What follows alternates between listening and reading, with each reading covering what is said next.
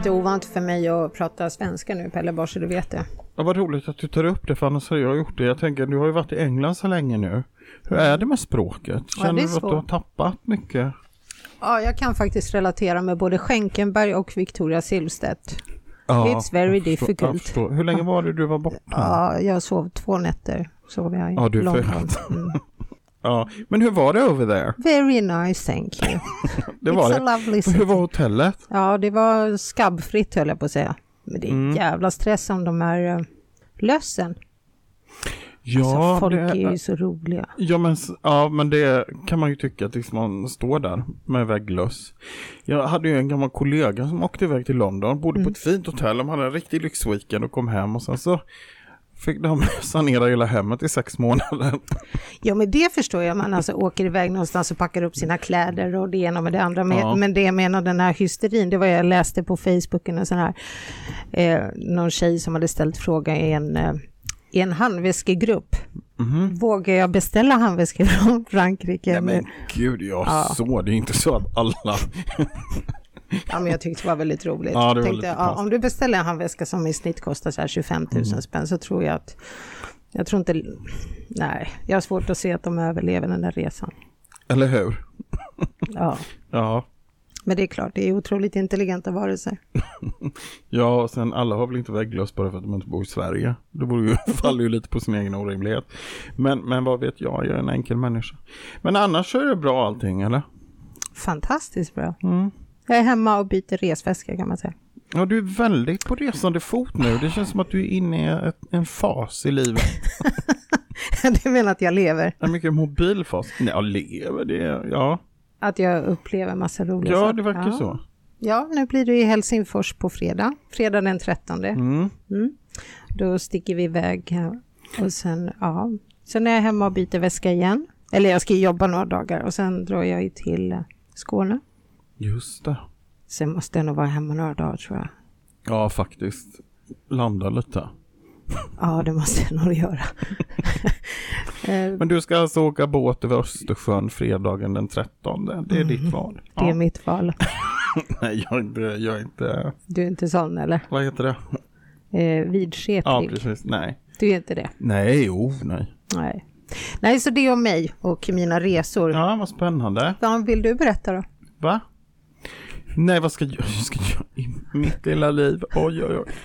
Jag är inte van att prata om mig själv i den här podden, men, men, men Men visst, prova, det är om din du tur. trugar. Mm. Nej, vad händer i mitt liv? Jag håller ju på att harva på med det här körkortet. Mm. Mm, det går framåt. Bra, men det finns ju en back också för du måste lära dig så att det går bakåt också. Jo, men det gör det också ibland, fast eh, som, som det går fra- det går framåt och det går bra och det känns, känns fint. Ja, nej, och sen så vad har hänt mer? Jag har, varit, eh, jag har haft typ influensa en vecka. Det Mm. var inte så roligt, men det var ändå, nu är den gjord så att säga. Mm. För det där är någonting jag vill liksom protestera mot. För att Ja. när du blir sjuk, du vet allting bara stannar upp. Ja men alltså jag blir ju ofta, det är konstigt för min sambo när han blir sjuk. Mm. Då blir inte han så jättesjuk. Men jag blir jättedålig och sen så ja, tar det längre tid för mig att komma tillbaka. Och, och att det drabbar mig. Ja det drabbar dig så himla. Du har ju varit ute och rest så himla mycket så att det har du väl inte ens noterat. Jo, det är klart jag noterar för jag har ju missat de här vardagskvällarna vi faktiskt poddar och så. Ja, jo det var ju, ja. Sen kan, ja, vi har ju fått en assistent också väl? En assistent, alltså det är det bästa som har hänt på den här sidan livet tror jag. Okej, så det näst bästa det kommer komma sen efter. Ja, precis. Okej. Det är assistent nummer två. Nej, men alltså det är väl jättehärligt. Mm. Ja, det är jätteroligt. Ja, men det här drabbar ju våran assistent också för hon måste ju boka om allting. Ja, men det är så roligt så. det går inte kul. Vi har inte pratat med henne va? Nej, men Nej, en assistent nej. måste få assistera. Annars har hon inget att göra. Jag ser det som kamratligt. Ja, fast nu, ja, fast jag känner ju ändå att jag blir väldigt, väldigt drabbad. Så jag ber dig ödmjukast, bara lägg ner det där med att vara sjuk. Försök att hitta uppmärksamhet på ett annat sätt. Ja, ja jag ska fundera på det. Gå och klipp dig eller något och bara vara snygg i håret eller något. Oh! Ja, det är snart dags. Nej, det ja. Mm. Men det här med Ja, nej. att eh, du var sjuk, det gjorde ju också att vi fick ju boka om dagens poddgäst. ja, precis. Ja, Mm. men nu är det dags. Nu är vi här. Tittar vi, vi- framåt och inte håller på och gräver i det förgångna, för det blir så tråkigt. Så. Men ska vi inte fråga henne hur mycket det här bara rasslade till hennes liv då? Jo, det kan vi i och för sig göra, så länge svaret blir bra. Ska vi låta henne presentera sig? Mm. Ja men tack, jag har verkligen kommit in i stämning nu här och höra hur ni småpratar och eh, nu vet jag inte om jag ska stor eller småprata riktigt men eh, Du kan berätta för lyssnarna vad du heter. ja det kan jag göra. Jag heter Rita Borenstein Mm. och eh, sen har jag ett mellannamn också och det är Raschke. Mhm. Ja, det är ingen som kan uttala det. Nej, jag kan inte ens stava till det. Raske, så är det. Det var min farmors namn men jag använder det inte så Ah. mycket men nu när ni frågar så kan jag passa Ja. på att berätta. Ja. Var, var kommer det ifrån? Vilket land? Eh, Det är polsk-judiskt namn. Så det Ah. är Rakel fast på jiddisch kan man säga. Ah, Ja. jättefint. Och det här andra, Borenstein, hur uttalade du? Borenstein. Borenstein. Ja, just det. Det låter inte så svenskt. När det är också judiskt namn. Det är Ja, det. väldigt fina namn ofta. Judiska namn tycker, Tycker jag. du? Det är så här Ja. fin klang i. Ja, men det är det väl. Ja, Just det. det Sen, är låter- jag ju, sen är jag från Finland, men det kanske hörs. Ja, faktiskt lite. Ja, lite Mm. granna. Så vilken del av Finland kommer Från, du? jag kommer från Österbotten. Mm. Jag brukar säga en stad i Vasa som heter Österbotten. Eller tvärtom. det beror på hur mycket folk vet. Ja, Men då kommer du och jag från samma höjd i alla fall. ja Mm, just fast det. jag går 40 mil inåt i landet. Okej. Så att eh, folk som kan visualisera kan ju tänka sig Finland som en tjej med en klänning. Ja, Man kan till och med ana en liten sko om du tittar. Eller du kan googla sen. Och sen för vi gav ju bort en arm till ryssarna. Men annars det är som en tjej med är jättefin du med. Pelle? Nej, Är det jag-? Ja, men jag, kan, jag ritar här, kolla samtidigt så här. Så här ser Finland ut, väldigt poddvänligt som vanligt. Ja, och jag kommer från Naven. Här är Vasa, där är Övik, där är Vasa och jag kommer från Naven. Fast det där ser ut som så här barbapapa. Jag tänkte ju säga det ser ut som en barbapapa som har blivit skuren i örat typ. Ja, Men, faktiskt. Ja. Eller en avokado, nej. Inte sån av... Ja, okej. Ja. Men därifrån, så du och jag, vi... Ja, ja just det, just det. Pratar du finska? Eh, jag kan lite grann, men eh, inte så bra längre. Mm. Det blir lite rostigt i rören. Men då tar vi det här på svenska då. Det kan vi göra. Mm, Men jag sitter ju här med en massa böcker som du hade med dig Rita. Mm. Berätta. Just det. Eh, det är så att jag har sedan eh, eh, Eh, tio år tillbaka utbildat mig i en hypnosmetod som heter Life Between Life hypnos. Och då kan man ju undra, liv mellan vad då? Jo, det är en man som eh, hette, han lever inte längre, Michael Newton som skapade en metod där man kan man kan säga förenklat skapa en nära döden upplevelse fast i hypnos. Det kan ju låta är ganska så eh, speciellt, men jag hoppas under podden här att jag ska få utveckla det lite mera, men jag öppnar lite med det här. Och, eh, och då var det så att när jag lärde mig den här metoden så fick jag själv göra en sån här hypnos, så att jag har ju själv upplevt sett att det funkar. Och sen de här tio åren så har jag gjort massor, massor, massor med sessioner med just den här metoden och skrivit ett par böcker, både Alltså de finns både på svenska och engelska och sen har jag också ett litet bokförlag där jag gett ut alltså grundaren av metodens bok fast på svenska. Hans första bok och hans andra bok. Första boken heter Källornas resa och andra heter Källornas öde. Och det var faktiskt väldigt eh, många som har hört talas om de här eh, Ja, jag kände igen den. Ja. Och fortfarande, fast han dog 2016, så vi har ett institut nu som heter Michael Newton Institute. Det är ett internationellt institut, så vi har eh, ungefär 200 medlemmar och jag har varit den enda i Sverige som gör sessioner på svenska sedan tio år tillbaka. Så att alla som då eh, är intresserade av den här metoden hamnar, eh, om de vill eller ej, hos mig eller hos någon av de andra medlemmarna som finns listade på institutets hemsida. Så eh, ja, så att jag, jag är ganska tänd på det här så att jag har ju både gjort massvis med sessioner och skrivit böcker och eh, levt med det här nu eh, i tio års tid, eller det blir på elfte nu. Eh, och vi är så litet institut så vi har ju alla eh, vi för den här traditionen vidare, att det faktiskt är möjligt att minnas hur det är att dö. För det är det det går ut på. Det, man minns hur det är att dö, vilket eh, hjälper rätt många människor som är rädda för att dö också. Men också det att nära döden-upplevelse är ju något som bara händer om man är med i en olycka eller så. Men det här är någonting man kan göra under hypnos, vilket gör det jättespännande i alla fall varit för mig. och jag har gjort väl åtta eller nio sådana här sessioner själv med mina kollegor. Så att jag Ah. har ju varit ute i Ehm, eh, alltså mina själsliga dimensioner ganska många gånger och kan också eh, ja, bevittna väldigt många som har gjort sessioner hos mig av alla möjliga yrken och eh, åldrar och så vidare. Så, så jag eh, är väldigt fascinerad av den här metoden kan jag säga. Ja, det förstår jag ju. Men jag menar, vem, vem tycker inte... Alltså, det är svårt att se den människa som inte tycker att det här är spännande. För det är ju jätteintressant. Eh, jo, just det. Speciellt som jag, eh, när jag började med hypnos för över 12 år sedan nu, jag hade ju varit osteopat, sjuksköterska, akupunktör, hade lite andra yrken också, eh, att jag märkte att det finns en väldig längtan att eh, minnas vem man är. Alltså på engelska säger man ju to remember, alltså att man minns vem är jag egentligen så att säga. Och det är de frågeställningar som folk har som söker upp mig.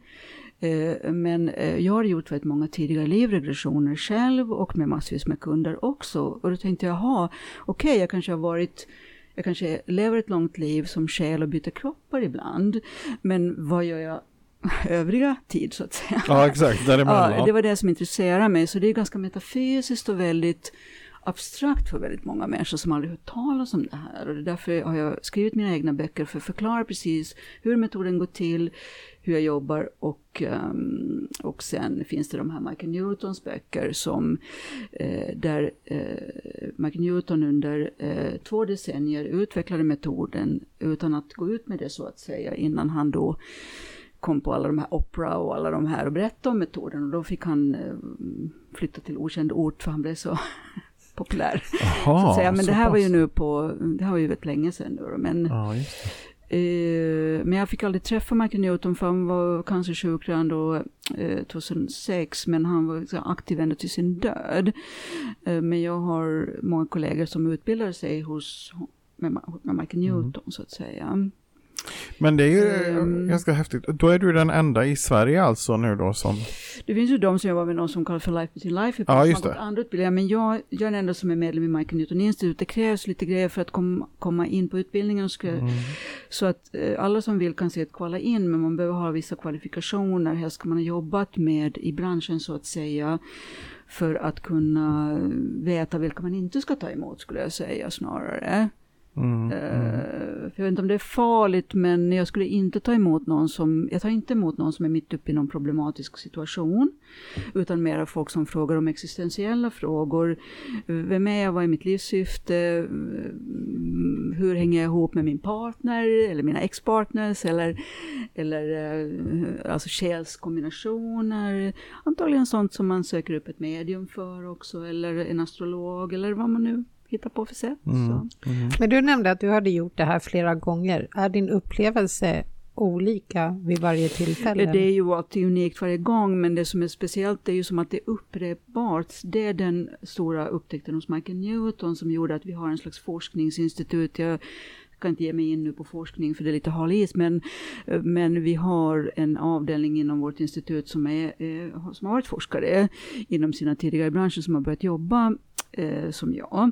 Så vi gör eh, till exempel parar ihop oss ehm, eh, och ehm, gör sessioner med varandra. Vi har just nu ett sådant projekt också på gång. Men eh, det som är svar på din fråga är ju att eh, det stora grejen är att det går att ta med folk, upprepa att upprepa att människor upplever hur det är att dö i ett tidigare liv är det alltid, inte i det nuvarande livet för vi lever ju nu. Ja. Så det är inte läskigt på det sättet, utan man går till dödsögonblicket i det tidiga livet. Det har jag gjort många gånger själv, tar med massvis med. Och det är inte skrämmande, snarare eh, behaglig upplevelse. För alla som jag har träffat som har varit med om nära döden upplevelser säger att det var det mest behagliga de har varit med om. Och de ville helst inte komma tillbaka, men de säger att det var inte dags och sådär på andra sidan. Så det är ju många som har skrivit om det. Det finns mycket det finns till exempel ett forsknings, eh, stort bibliotek på Virginia University i USA där man har arkiverat otroligt mycket nära döden eh, och eh, forskning och också mycket annat. Så det finns ju väldigt mycket dokumenterat. Så det, de som kommer till mig tvivlar inte på reinkarnation, kan jag, jag säga. Men jag prackar inte på någon någonting. Eh, så det kommer en del också som vill se om det funkar. Ja, och då får väl också deras upplevelse tala för sig så att säga. Eh, just det, för vi gör ju, Michael Newton jobbade så att han alltid gjorde en tidigare livregression först för att se att människan, för det här bygger ju på hjälp till självhjälp. Jag kan ju inte klistra, jag kan inte men jag kan ju ge bästa möjliga förutsättningar i och med att jag har gjort så mycket sessioner så kan jag skapa en atmosfär och också ställa frågor och så så folk känner sig väldigt trygga. Och så pratar vi igenom väldigt mycket innan vi gör sessionen. Så att det är ju det är bara avslappning som all hypnos, det är inget konstigt. Mm. Uh, ja. Men vad, vad, vad, men du säger det är en bredd på människor som kommer till dig. Det, är, det är inte mm. bara en typ. Utan det, har du, uh, märker du någon skillnad liksom eftersom du har hållit på så många år? Är det en större bredd på, på den slags människor som kommer till dig idag än vad det var förr? Uh, just det, jag brukar ta upp Eh, ni har ju träffat Roger Gotthardsson, min uh, kompis som är IT... Just, han har varit gäst här. Och, och han, han jo, innan covid så var det nästan som en epidemi av ingenjörer som kom till mig. Högteknologiska människor, alltså sådana som verkligen man tror att inte gör sådana grejer som man trodde förr. Och då gjorde jag faktiskt en session med Roger som kanske inte utbildade i hypnos, men han och jag gjorde det i alla fall. Mm. Och eh, då tog vi reda på faktiskt varför det var så mycket ingenjörer som kom. Det var liksom faktiskt hundratals, alltså under ett års tid. Alla som ringde, hej jag är ingenjör, kan jag ha läst Newton? Så det var nästan lite spooky. Och då, det var ju lite andra också, men jag tänkte vad är det som ska hända i världen? Varför kommer så mycket ingenjörer? Och svaret som jag fick i min egen hypnos då, som Roger var min hypnoterapeut så att säga, var att det är en förberedelse att väldigt många människor som har eh, kontakt med ehm, eh, sitt mera logiska jag eller sitt strukturerade jag, deras intuitiva sida är väldigt starkt utvecklad fast de inte vet det. Mm. Så att då kom det en massa ingenjörer som löste tekniska frågor genom sin eh, fjärrskådning eller genom att de bara kunde se hur de ska lösa det. De fick till sig lösningen precis som Einstein fick när han fick eh, um, relativitetsteorin. Så att, så att uh, då gjorde jag massa sessioner med alla de här ingenjörerna va? och det var helt otroliga vilka sessioner det blev. Och sen, så det var liksom en trend. Sen när covid kom, då försvann alla dem. Det var tyst ett långt tag och sen kom det bara kvinnor.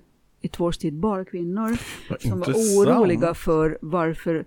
För då tänkte jag så att det sades ju hela tiden håll i, håll ut, håll i, håll ut. Och då tänkte jag då alla karlar kanske tänkte så här att nu måste man hålla i, hålla ut, nu ska vi inte hålla på med någon flum. Så då fick kvinnorna komma och nu är det ganska mycket både kvinnor och män igen. Ja, just det.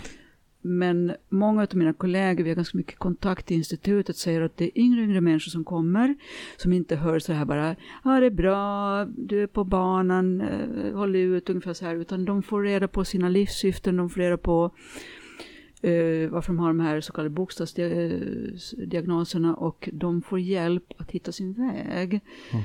Eh, så jag, jag, gör inte sessioner med folk som är under 20, men eh, de flesta är 40 plus som är helst. Sen är det de som är 70 70 plus, 80 plus också. Men vad beskriver de flesta då? När de, när de... Eh, alltså hela proceduren beskriver min bok, jag vet inte hur mycket jag ska gå in på det för det kan bli lite långrandigt, men kort, kort sagt är det det att en sån här session går till så att vi gör först en lång avslappning, sen, eller vi pratar först, och sen gör vi en lång avslappning och sen går vi via barndomen till eh, tiden i mammas livmoder, om möjligt. Och då är det som att kratta manegen för att många har ju hinder redan i barndomen. Så då kanske vi inte kommer längre än dit. Så då behöver vi kanske låta sessionen handla om det. Men de allra flesta de går ner via, därför att vi tittar mest på ljusa positiva minnen. Och då får de så mycket, bygger vi så mycket resurser, så då får de mycket energi.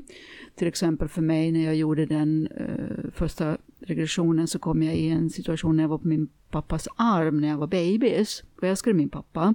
Så de mådde så himla bra. Så då kunde jag slappna av mer och då kunde vi ju gå djupare så att säga. Eller jag kunde gå djupare. Och sen att gå in i sin tid i mammas livmoder är jätte, jättehäftigt. Så, och det är då själen börjar tala så att säga. Då kan jag höra hur folks röstläge skiftar och då är man redan så djupt hypnotiserad så att man tänker inte så mycket på, gud vad säger jag nu? Då kan jag ställa en fråga till exempel att eh, när under din egen fosterutveckling eh, inkarnerade du och då redan tilltalade deras själ. Så det är redan som de tänker inte på det, men då frågar jag ju själen så att säga att vad eh, eh, när under fosterutvecklingen eh, inkarnerade du? Och så säger de ofta så här, ja, fjärde månaden. Ha, då frågar jag varför, varför det då? Eller någonting sånt. Så säger de, jo men eh, jag behövde bonda med min mamma och så frågade jag, hur känns det att bonda med din mamma? Så, de, så började de gråta ibland för det känns inte bra, för mamma mår inte bra. Och så vidare, och så vidare. Men eh, det låter som det är terapi, men det är inte riktigt det, utan det är att man kan gå på ett högre plan lite grann. Sen när vi har tagit oss igenom den fasen så kommer vi in i tidigare liv och då är det eh, så fort som möjligt att gå till dödsögonblicket. Nu snabbspolar jag verkligen. Mm, ja. Dödsögonblicket där och sen, så jag berättade så många gånger. och sen det är det där då det man kan Newtons stora grej. För då skiljer det sig från tidigare livregressioner, vilket jag gör många mm. också. Jag gör också i livmoderns sessioner, jag gör tidigare, eller inre barnregressioner. Men när vi gör en sån här livet mellan livet regression, då fortsätter vi och därför så behövs det tre, fyra, ibland fem timmar för det är en jättelång hypnos. Så att, eh, och när vi kommer då sen till dödsögonblicket i ett tidigare liv, då kan klienten om den vill, när jag frågar, resa hem som vi kallar det för. Och det då blir riktigt häftigt för att då är det som att man minns hur det är. Och det är svårt att förklara, men det, eh, ofta är det de här eh, tunneln som många berättar. Uh, I min andra bok här med till exempel Terry Evans som är ganska känd medium, mm. många känner honom. Och han gjorde en session, och han är med i min bok då, han ville vara med med namn för han tyckte det var kul. Men han såg en tunnel och han kom in i flera olika liv tills han kom in i det livet som han ville liksom resa hem via. Och sen hände det massa saker och det finns i min andra bok Eh, min själ en diamant, att vi berättar, jag berättar i dialoger om hans sessioner. Och sen går resten av sessionen ut på att fråga klientens frågor i det här eh, så kallade livet mellan livet, eller life between life som Michael Newton kallar det för, alltså när man är själ. Mina finlandssvenska blir själ, eller säger man på svenska själ. Ja. Eh, och då, eh, ganska häftigt tillstånd för det tillståndet kan man inte sen glömma. Utan det har man ju med sig sen, precis som folk som har varit med om en nära upplevelse, att det är inte särskilt läskigt att dö faktiskt.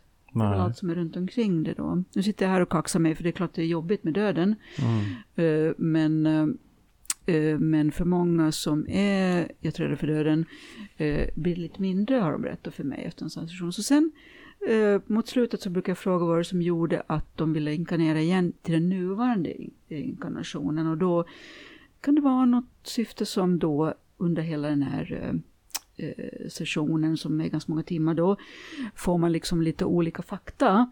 Så det är som att vi letar ledtrådar och utifrån klientens egen upplevelse och sen när de lyssnar på, jag spelar in alltsammans, sen när de lyssnar på det hela så blir de förvånade vad de har sagt. Eh, och jag, mitt jobb är mest att ställa frågor, se till att allting känns jordat. För vi ska inte ut i rymden utan vi ska vara i kroppen. Så många som är vana att dissociera, de kan ha en tendens att checka ur, men då mm-hmm. hjälper de att mjukt och fint liksom stanna i kroppen om de orkar. Annars kan vi inte göra en sån här session för att man måste vara närvarande.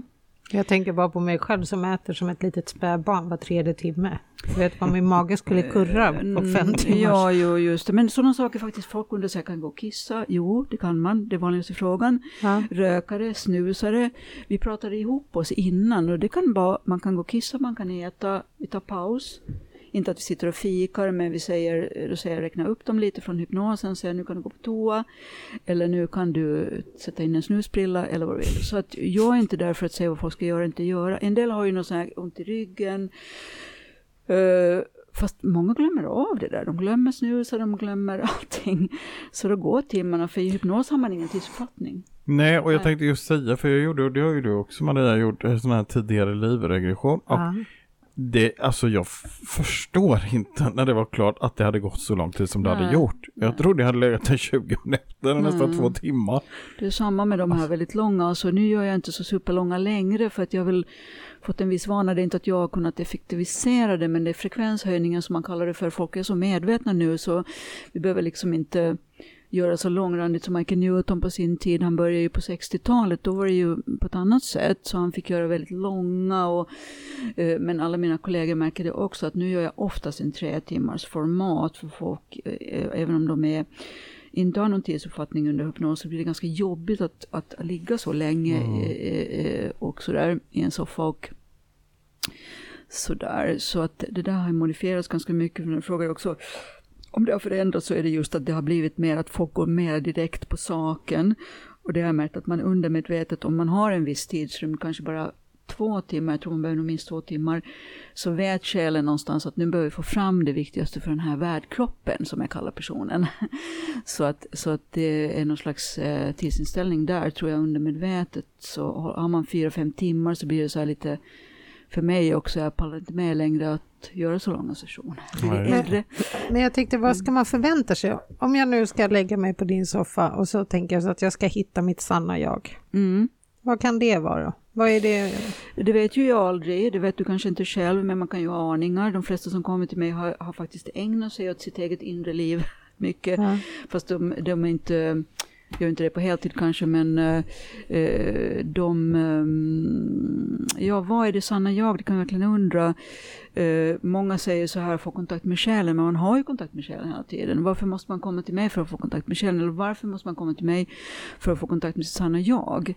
Jo, för att man i sin nuvarande liv är så stressad. Mm. Så för en del som bara lägger sig i soffan är det att, att, att, att det är som att det öppnar sig. Så en del har väldigt andliga upplevelser hos mig, alltså ljusupplevelser och sådana saker. Det är inte jag som gör det. Okej, okay, jag kanske är lite öppen för sånt själv och, och, hemma i mitt hus är det väldigt behagligt. Men då slappnar de av och då kanske de känner sitt sanna jag så att säga. Och då får jag fråga deras sanna jag, vad, hur länge har du väntat på att Maria ska öppna sig för sig själv? Många som kommer till mig jobbar ju mer än heltid. Så att därför så är det bra att jag bor på landet så att de får liksom varva ner lite innan de kommer. Mm. Men jag vet inte om du har svar på din fråga men... Eh, nej, men jag tänkte om jag kommer hem från dig och så har jag skrivit upp en lista så att, ja, att eh, jag gillar musik, jag tycker när livet är fritt och flexibelt och roligt. Är det sådana insikter jag kommer nej, hem med? Nej, jag skulle inte tro det för att, ja det kan ju vara att du får om du går in med det, men alltså många kommer ju på liv eller död frågor. Alltså de kommer inte med någon liten tändstick, alltså de kommer med en dynamitgubbe liksom. Ja. Så här, och det gäller, här gäller det nu att, och många frågar så här att jag känner, alltså många har mycket pengar, de har mycket spännande liv, men de känner eh, ingen mening, ingen kontakt med sin mening. Och då är det inte någon fråga så här tjofarittan hambo, utan vi går verkligen, jag går all in, de går all in. Så att eh, de kommer med sina frågor, det är ju de frågorna som jag ställer under hypnosen. Så jag vill inte att klienten åker hem med sina frågor eh, jaha, vad var det här liksom? Utan en del kan vara ganska omskakade för att de har fått svar på sina frågor och nu gäller det att ta ansvar också för de behöver inte göra någon listisk förändring för min skull. Men en del har ju gått på övertid länge med sånt som inte har gett. Det är ju relationer, det är jobb. Men jag sitter inte där som någon polis och säger vad de ska göra. Men de kanske själva inser att men fasiken håller jag på med liksom så här. Och det kan ju vara likadant om man går till någon behandling eller, eller man är med om någon eh, nära döden upplevelse genom någon olycka eller sådär. Att man blir omskakad. Vad är det som är viktigt liksom? Och det, men är inte det sånt som... Ja. Jag har ju mött några människor som har varit, hamnat i sådana situationer där det har varit så liv och död. Mm. Och sen när de fortfarande är i det här stadiet, när man liksom precis har klarat sig. Mm. Då blir de så att nu ska jag leva mitt liv på det här sättet. Men det känns som nästan som att passera förbi en olycka. Precis då så bromsar du in och så håller mm. du hastigheten och tänker shit, jag tänker inte köra så här fort. Och så mm. kör du åtta kilometer, sen gasar du igen. Precis. Så att folk glömmer bort det här med... Det är ju det human experience, men det är väl därför vi är här också för att minnas hela tiden. Jag personligen håller på också att glömma ibland, minnas ibland. Alltså det är ju det som, alltså det är ju ingen engångsupplevelse man kommer till mig så ska hela livet ordna sig, inte om man går till någon medium, ingenting. Men de här som kommer och besöker mig, de har ju kanske en specifik önskan. Jag hade precis en session nyligen med en kvinna som jobbar med ledarskapsträning och hon vill nu komma in på ett djupare plan med människor. Hon orkar inte sitta och liksom coacha och coacha och coacha. Liksom. Och, eh, och så var jag, jag var ju osteopat, jag, jobbar ju, jag hade ju gått en jättelång utbildning i 20 års tid som osteopat, kranial osteopat. Jag hade ju 8-10 eh, klienter per dag under lång tid. Men när jag kom hem bara satt och grät på kvällen. Vad håller jag på med egentligen? Mm. För det är ryggskott efter ryggskott efter ryggskott. Och jag det är inget fel på människor som får ryggskott, men jag ville komma djupare in i människor. Varför får jag ryggskott efter ryggskott? Så att säga. Och det är sådana frågor som folk ställer nu. Folk ställer ju också frågor om sin fysik. Men jag är ju bara inte som någon medium tack och lov, utan jag säger inte varför de får ryggskott hela tiden, utan vi, vi kanske då går in i deras chakrasystem och kollar in lite vad det finns för eh, tidigare liv som blockerar där. Så det, det, det är därför jag har en sån bred bakgrund tror jag, för att jag ska kunna hjälpa folk. Jag, det här är min livsuppgift som jag ser det, att vara väldigt neutral inför människors lidande. Även om jag har medkänsla så kan jag inte gå in och säga vad de ska göra eller kom inte tillbaka nu tionde gången och fråga samma sak liksom. Eh, men om någon hör av sig tio gånger kanske säger det, jag vet inte.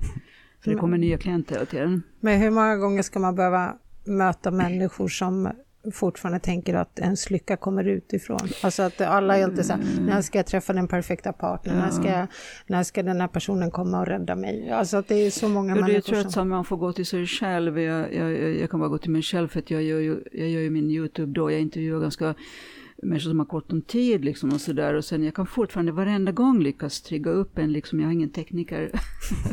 så att tänk om det bryts, tänk om det, så jag tänkte nu får du bara slappna av, för bryts det så bryts det och sådär. Så att, så att, eh, men det är ju stort och smått och eh, eh, alltså man kan ha släktingar i krigszoner, man kan ha folk som dör och så vidare. Men det är hela tiden, det är väl därför vi är här, för att hela tiden utmana oss i våra rädslor. Men alla är inte inne på att, att man ska lära sig någonting av det. Vad man, alltså nu, eh, världen är i krig om och om igen, har vi inte lärt oss kan man ju undra, men man får ju bara gå till sig själv folk föds och skiljer sig och gifter sig.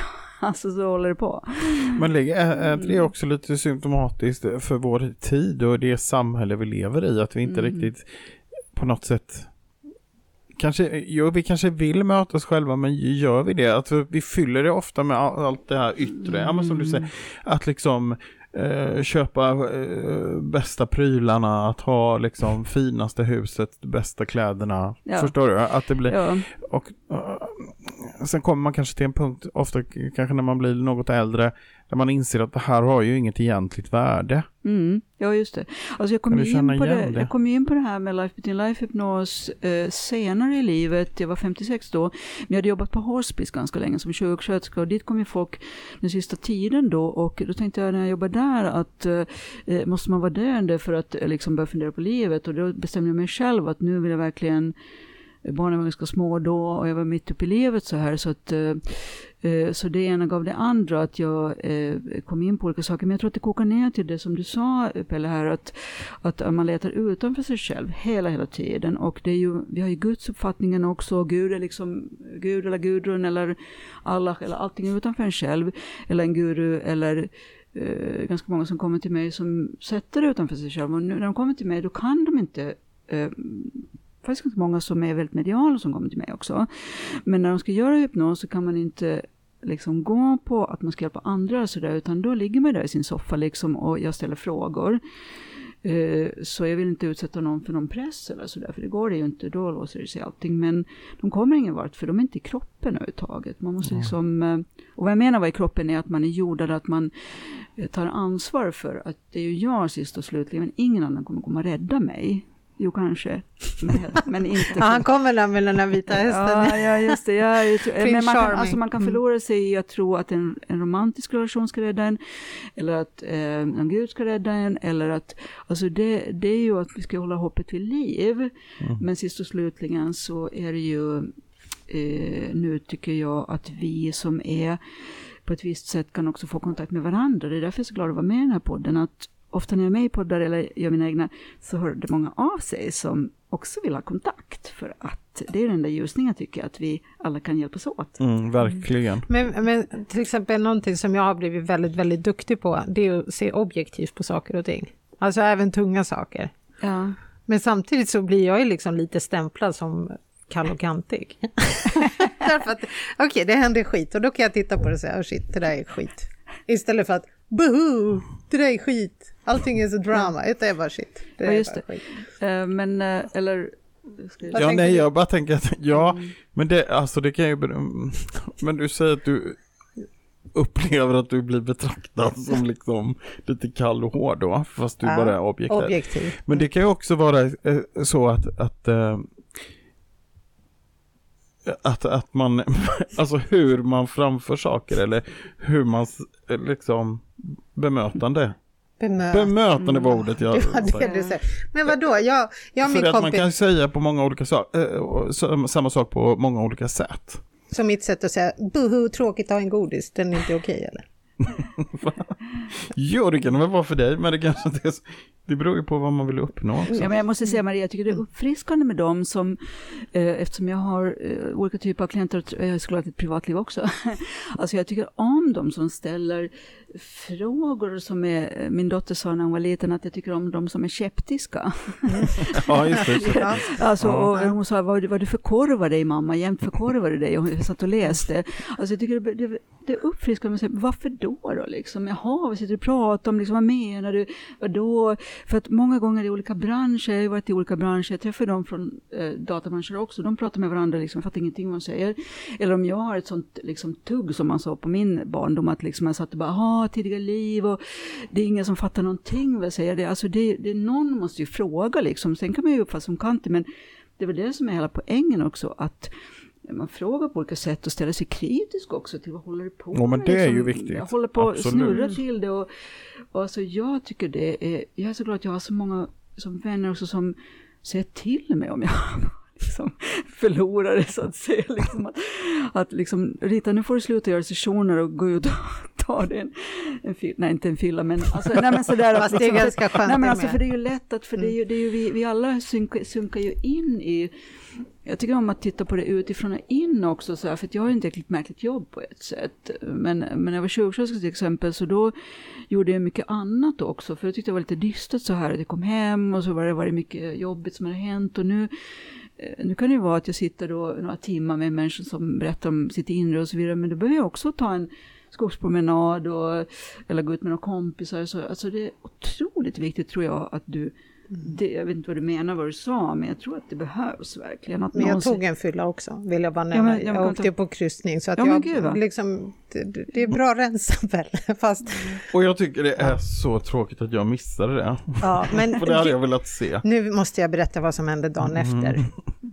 Jo, så här var det. Jag klev av båten och jag tänkte så att jag behöver nog äta, jag måste unna mig någonting väldigt gott när jag Mm. är lite svag.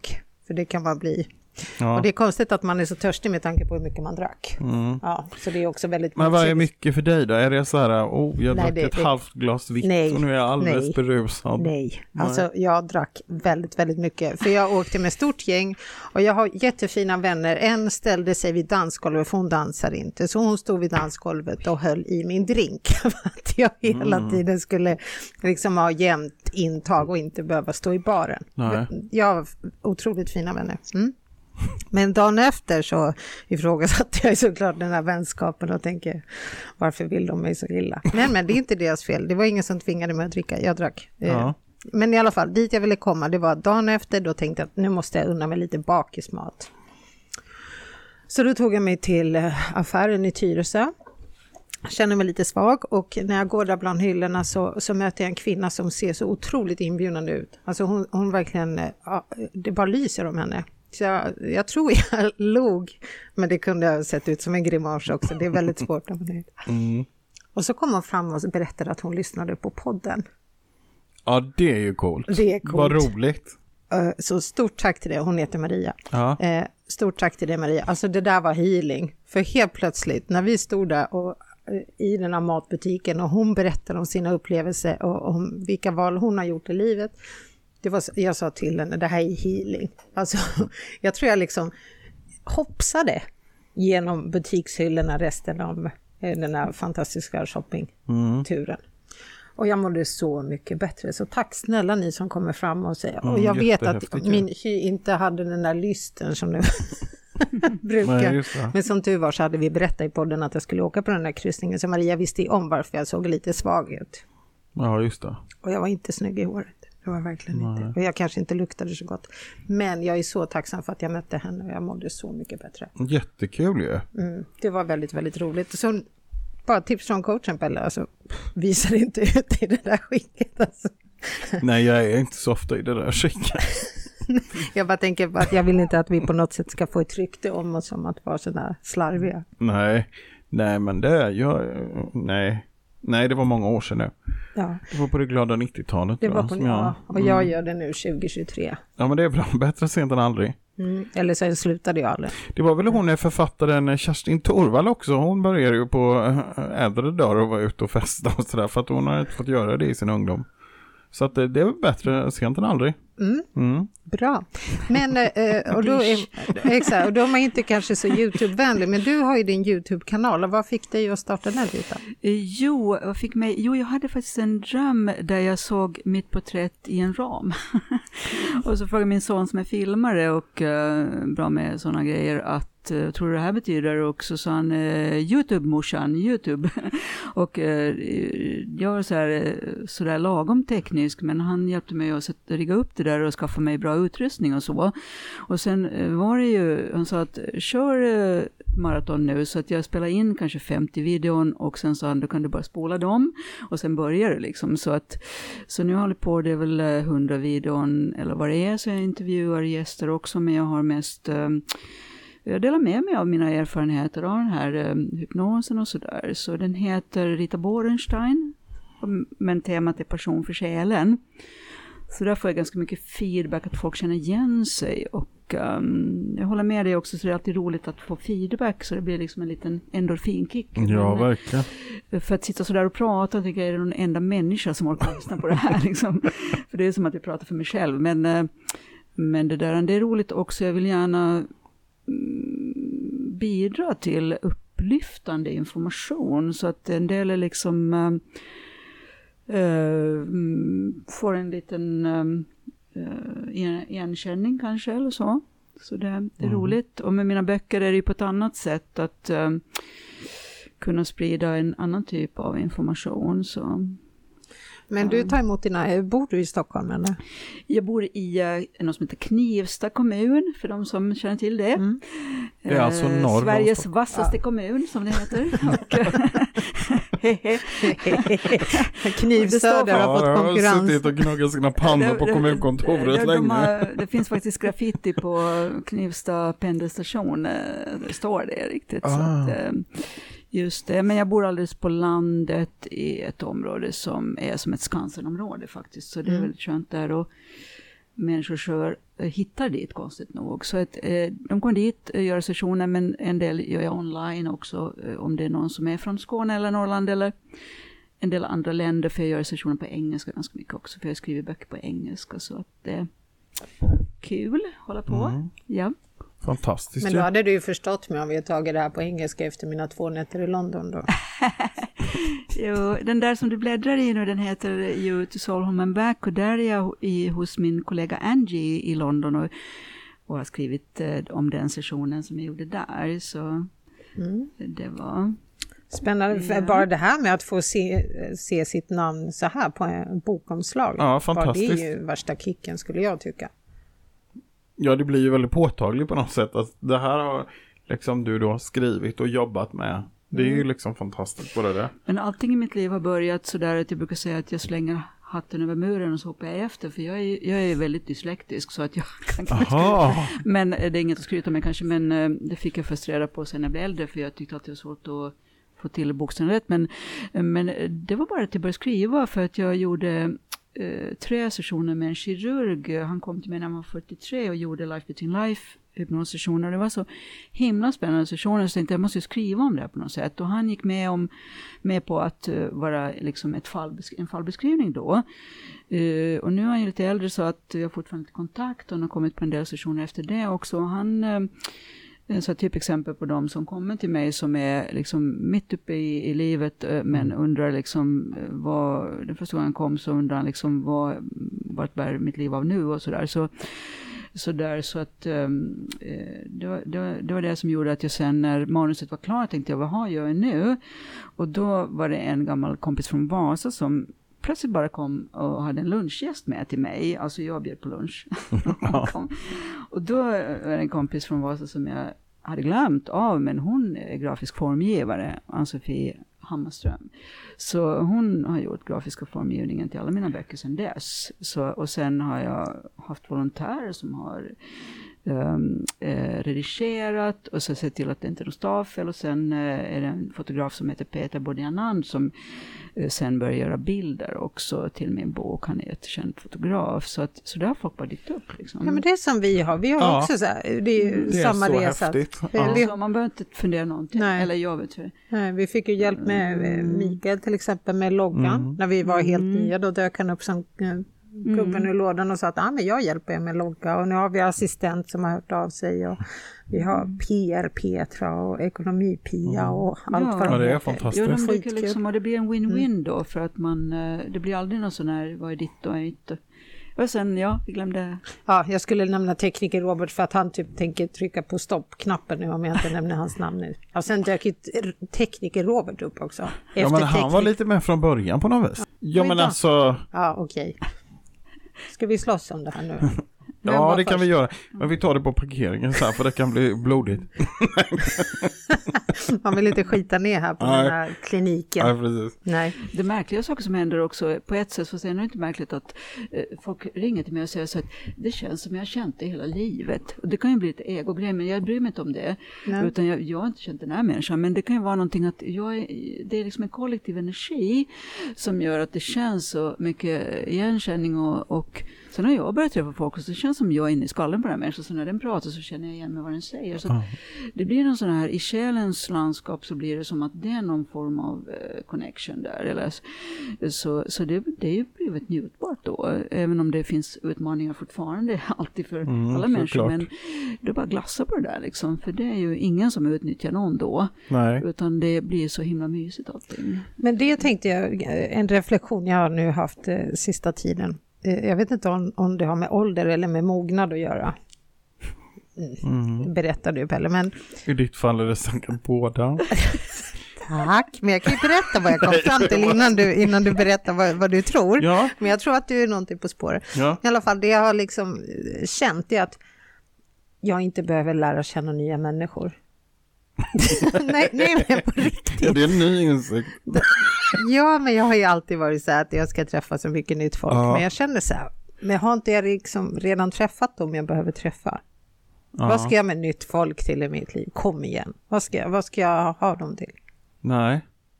Alltså två reflektioner spontant om jag bara får vi säga. tar den första, Ja, bästa först. för att jag känner väldigt väl igen mig i detta. Ja, Ja, och ett, på ett sätt så nej, precis. För fan vad skönt att slippa träffa folk. Ja, nya människor. Ja. Men det är ju också genom alltså, att träffa nya människor som man har möjlighet, eller i alla fall, ja, en möjlighet att, att utvecklas liksom ännu mer. Och att göra nya liksom, erfarenheter om sig, att spegla sig själv i nya människor. men det här Om man bara... bara umgås med samma, samma människor hela tiden, det blir, det blir, jag tänker att det kan bli andefattigt på något sätt i längden. Men jag tänker så att de människorna vi träffar, det är ju sådana korta, snabba träffar. Alltså om jag är ute och dansar Jo, så jo, träffar jag någon och så dansar, cha, cha, cha, Ja. och sådär. Och sen så, men sådana här människor som du ska liksom umgås med på riktigt så här Mm. privat, har inte du redan träffat alla du behöver? Alltså Jo, jo, men där, där är ju, där är ju, det handlar ju också, jag är ju en väldigt så här, egentligen ganska introvert person. Jag, jag har ju liksom inte så svår, stora svårigheter med till exempel att vara själv. Eh, och jag, jag vet inte, Nej men jag är ju som Rita, jag bor i skogen, skoja alltså Ja, på riktigt. Om inte men jag du är ju aldrig där för du är ju alltid ute och flänger och träffar Ja, folk. jag vet, men om jag skulle varit hemma då hade jag varit hemma ensam. Ja. Och jag har så här trippla lås på dörren och sen så här Ja. alligatorer som simmar runt i den här graven utanför så att ingen kommer i närheten av mig. Det här med mytomani, är det någonting vi ska Nej, vad är det? Är det, är det ätbart? Dricker man, är det vin till det? Ja, eller? nej. Är det, ja. Nej, mytom, nej, det Nej. känner inte jag. Nej, utan du har alligatorer runt Allig- ja. Nej, men jag på något sätt, okej, du får visualisera Ja, på något sätt, kom inte menar. in här för Nej. fan. Samtidigt som jag tycker det är jätteroligt att bjuda på fest. Men när jag har haft fest hemma, då känns det som huset måste vila. Alltså, Ja, förstår men du så, känslan? det ja. tror jag är väldigt sunt och klokt att man också kan, kan liksom För då måste jag få ut alla människor.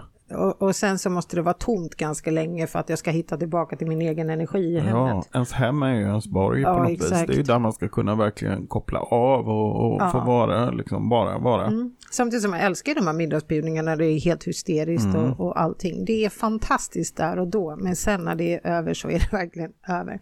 Men det jag menar på att de här människorna, jag säger så här, jag, jag börjar liksom luta mer och mer åt det här med, om man tänker på det här med själsfamiljer, att när vi, om vi nu kommer tillbaka på något sätt, att det är fortfarande samma klump man hänger med. Mm.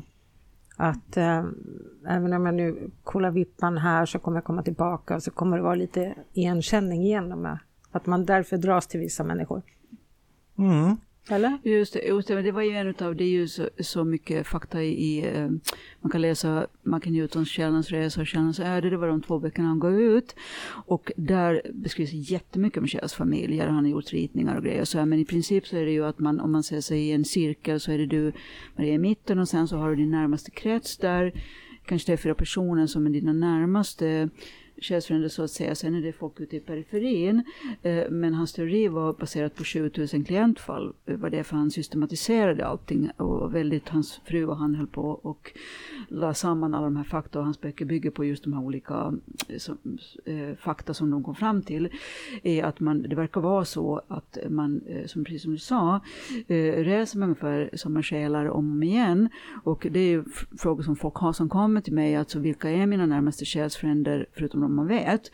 Och eh, någon kan ju ha någon partner de har träffat redan som barn, kanske har levt med den här partnern hela livet, eller sen gift sig och kanske inte som barn men gift sig sen och sen dör de med någon dags mellanrum och då, och då det är ju ett speciellt sätt att Eh, eh, de behöver sedan inte fråga så mycket om det, för det verkar vara så självklart. Men, men för många andra som tragglar i relationer undrar liksom att vad har jag med den här människan att göra, den som jag har varit gift med här nu i 40 år ungefär. Och, och då kan det ju komma fram lite fakta som gör att de orkar liksom 20 år till då, eller sådär, för att de förstår varför de har eh, Eh, kommit samman. Så att eh, många som kommer till mig har just frågor om det här med olika andra personer och de mest introverta människorna är precis som ni pratar om här, att varför ska man träffa någon överhuvudtaget? Alltså jag, hela covid som var jobbigt för väldigt mycket människor, för mig som är väldigt introvert också, det var liksom toppen. Jag, jag gjorde sessioner, och, alltså det var inte toppen, toppen så, va, men Mm. min mamma hade covid och var 92 så, där, så var det inte så kul. Men för min personliga del så var det ju att eh, nu slipper jag liksom allt socialt umgänge.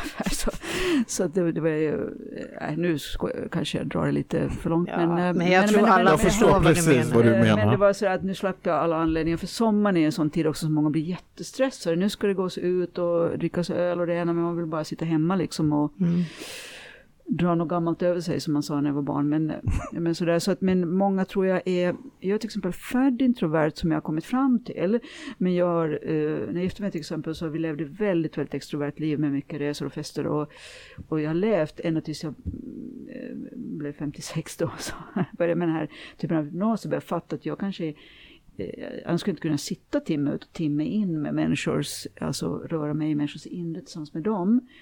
Eh, Jag kan titta på klockan det blir otålig, men jag kan sitta hur länge som helst och tröttnar aldrig. Liksom. Så att det är väl att jag älskar den typen av inåtgående process. Eh, Så Men man kanske ser också, som nu, jag var ju på fest här i helgen, någon dag, alltså nu är man ju så vild vet du i huvudet.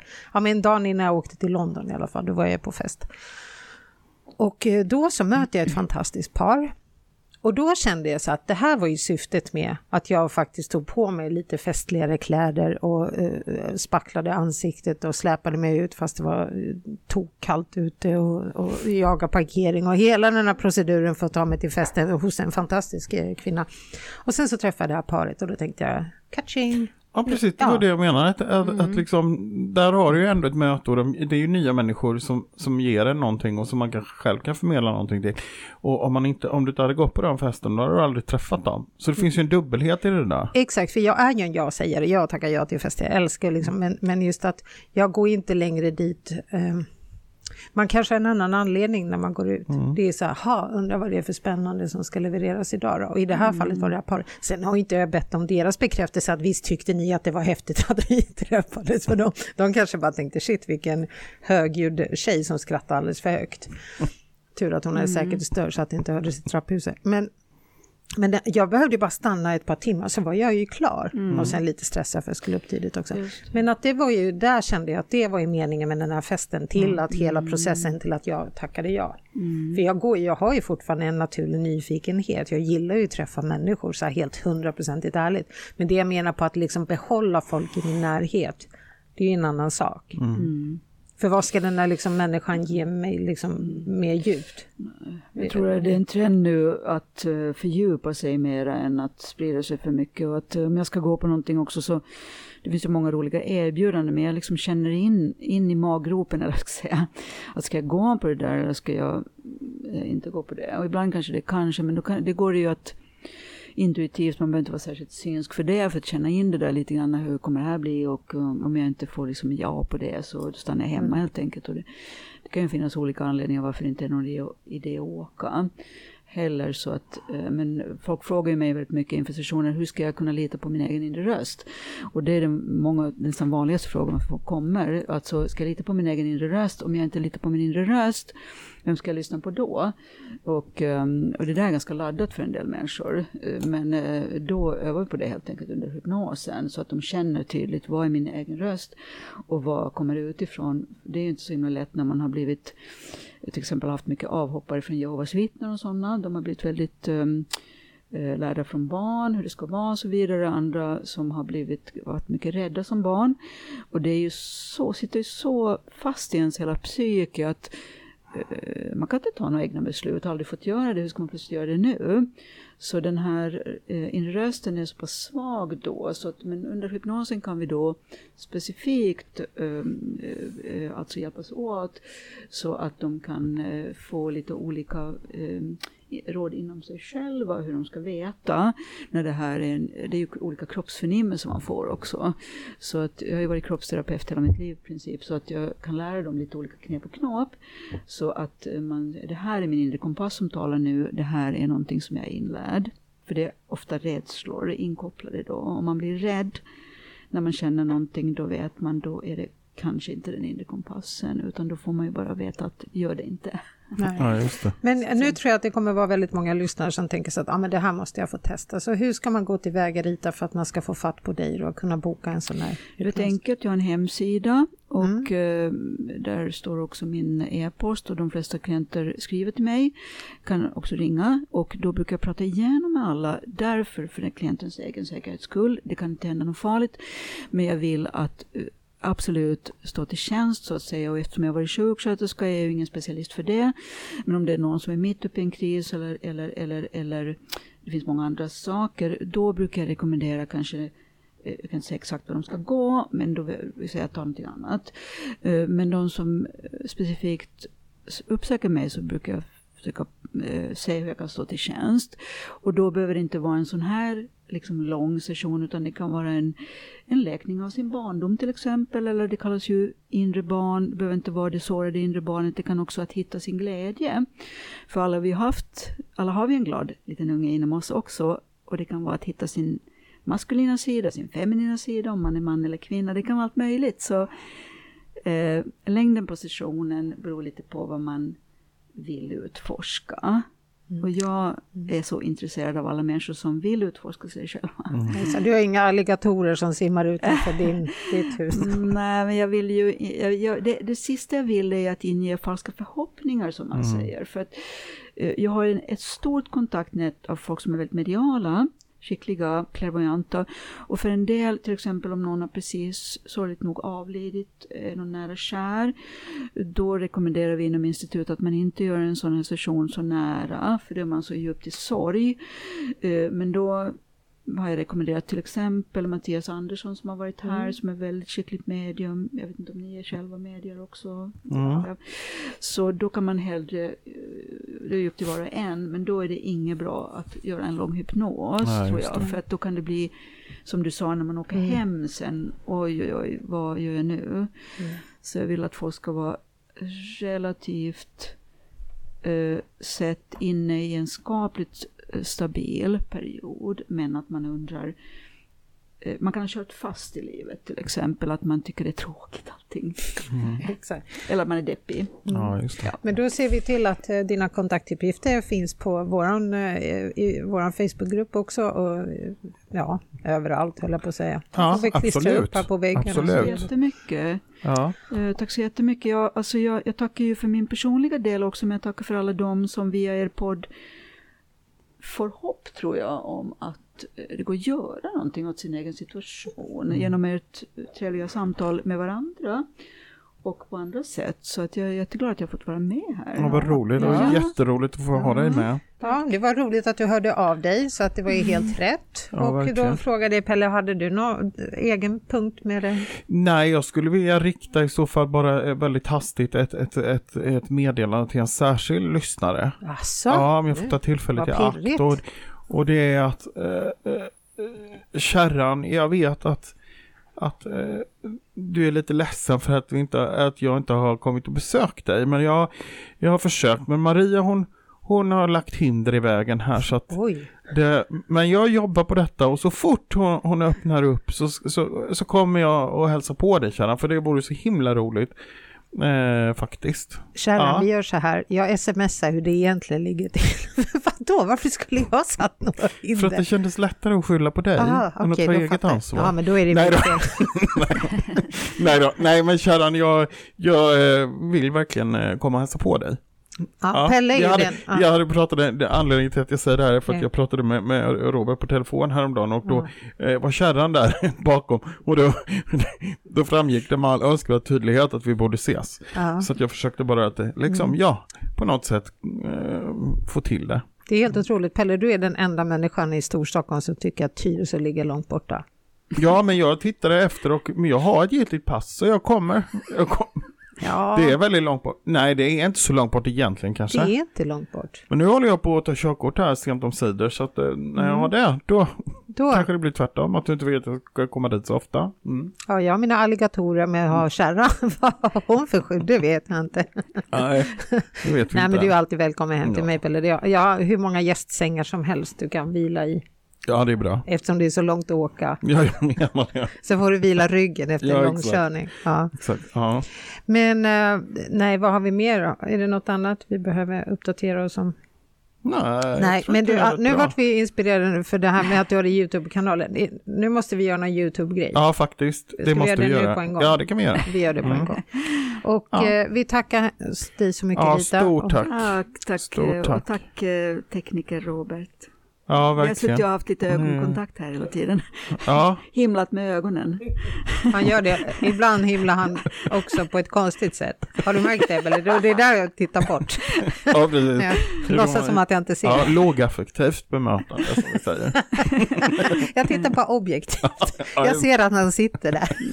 Det är det som är fördel eh, mot YouTube, för då kan man inte göra, göra, do the eye rolling som man säger och Nej, precis. Nej, då... då Men måste nu- man försöka sitta och le hela tiden. Ja, nu ska vi rulla ögonen Nu på ska vi YouTube. rulla ögonen. Gå in på YouTube och titta hur hårt vi kan rulla Ja, med våra precis. ögon. Tusen tack för idag. Tack snälla Ja, lyssnare. Tack. Ha så gott. Ha det fint. Tack. Hej då. Hej då. Hej, hej, hej, hej.